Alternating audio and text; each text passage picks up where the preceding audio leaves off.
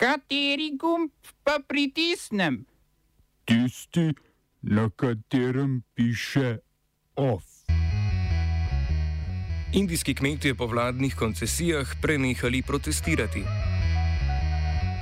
V Srbiji, po, v Srbiji po protestih umaknili spremembe zakona o razlastitvi.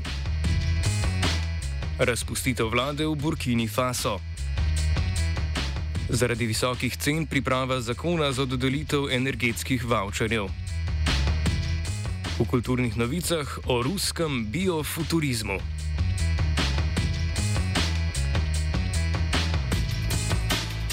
Srpska vlada je umaknila sporni zakon o razlastitvi in preložila spremembe zakona o referendumu, zaradi katerih je množica protestnikov dva tedna protestirala v okoli 50 mestih po vsej državi.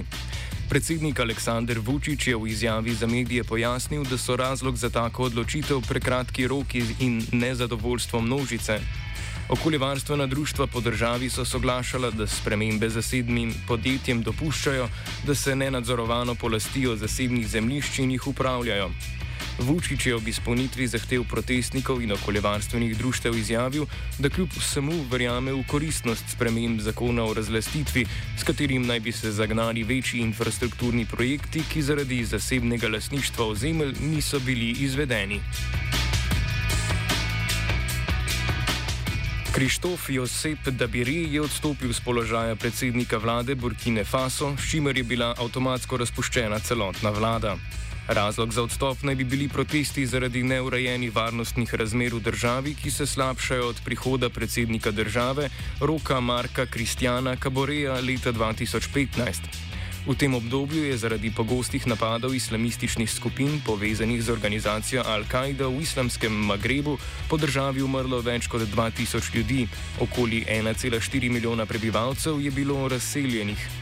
Do ustrezne zamenjave bo državo vodila razpuščena vlada, predsednik države pa je državljane po odstopu pozval k strpnosti, dokler se situacija ne umiri.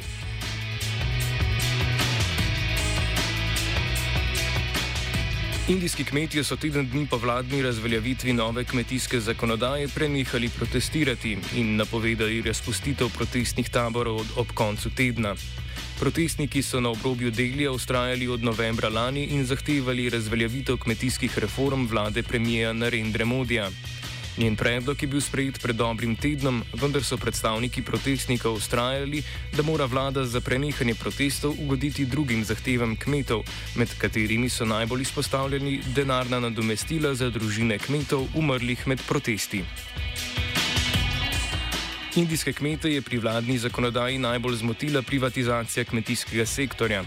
Zakoni so kmetom dovoljevali neposredno prodajo izdelkov zasebnim podjetjem, kot so velike trgovske verige in spletne trgovine s prehrano. To bi končalo globoko ukorenjen sistem državnega odkupovanja kmetijskih izdelkov po reguliranih cenah. Kmetje so lani ob sprejetju novih zakonov opozarjali, da bodo takšne reforme večjim zasebnim prehrambenim konglomeratom omogočile monopol nad kmetijskim trgom in samovoljno postavljanje cen, kar bi vodilo v podrejen položaj indijskih kmetov. Razveljavitev vladnih zakonov kmetje ocenjujejo za zmago volje večine in dokaz, da je z množičnimi protesti mogoče spremeniti ravnanje vlade. Hkrati je to najresnejši politični poraz premijeja Narendra Modija, ki mu je z nacionalistično politiko, veliko krat usmerjeno proti muslimanski manjšini, uspelo konsolidirati oblast v tradicionalno decentralizirani Indiji.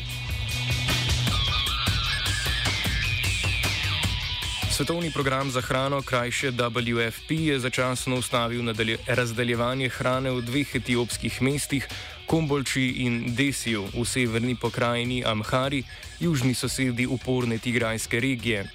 Odločitev WFP-a prihaja dan potem, ko so tigrajski uporniki oropali njegova skladišča hrane in tamkajšnjim zaposlenim grozili z orožjem. V WFP-u so opozorili na nesprejemljivost takega ravnanja z njegovimi zaposlenimi, pa tudi na incident, ko naj bi etiopske vladne sile zasegle humanitarni konvoj in ga uporabile za lastne potrebe. Konflikt med Tigrajsko ljudsko osvobodilno fronto in etiopsko vlado, ki traja približno leto dni, je regijo potisnil na rob humanitarne krize.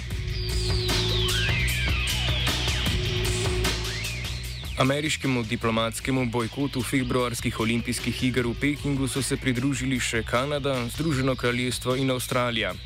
Francija pa se je na drugi strani postavila na stran Italije in se opredelila proti diplomatskemu bojkotu.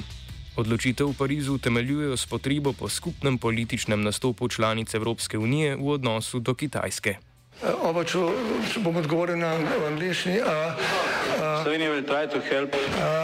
We can Slovenija will and we will do our utmost To say that the situation is our problem ourselves. and uh, We will make further steps as soon as the conditions are bomo vlado Marjana Cererja, Mira, Marjana Cererja Šarca podprli. uh, very, very serious. we know how and we will.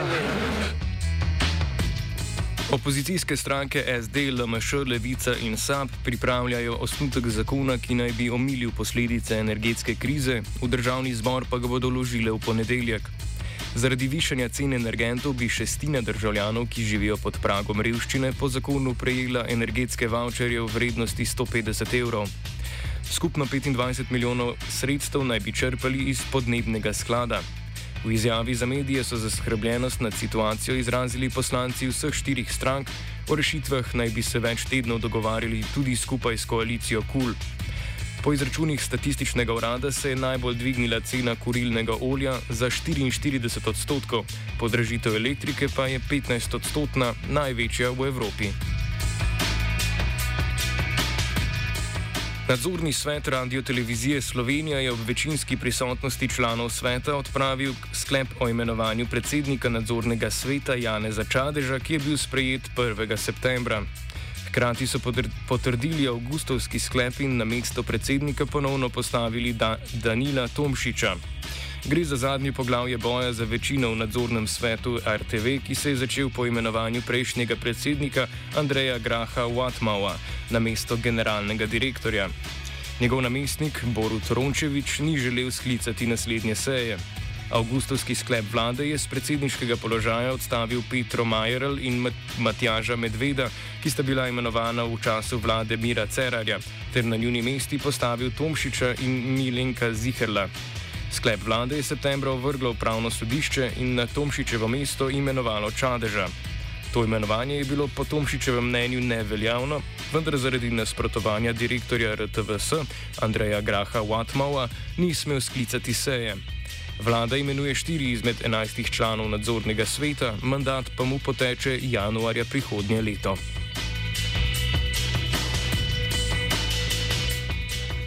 Osta pripravila vajenka Magdalena in Vito.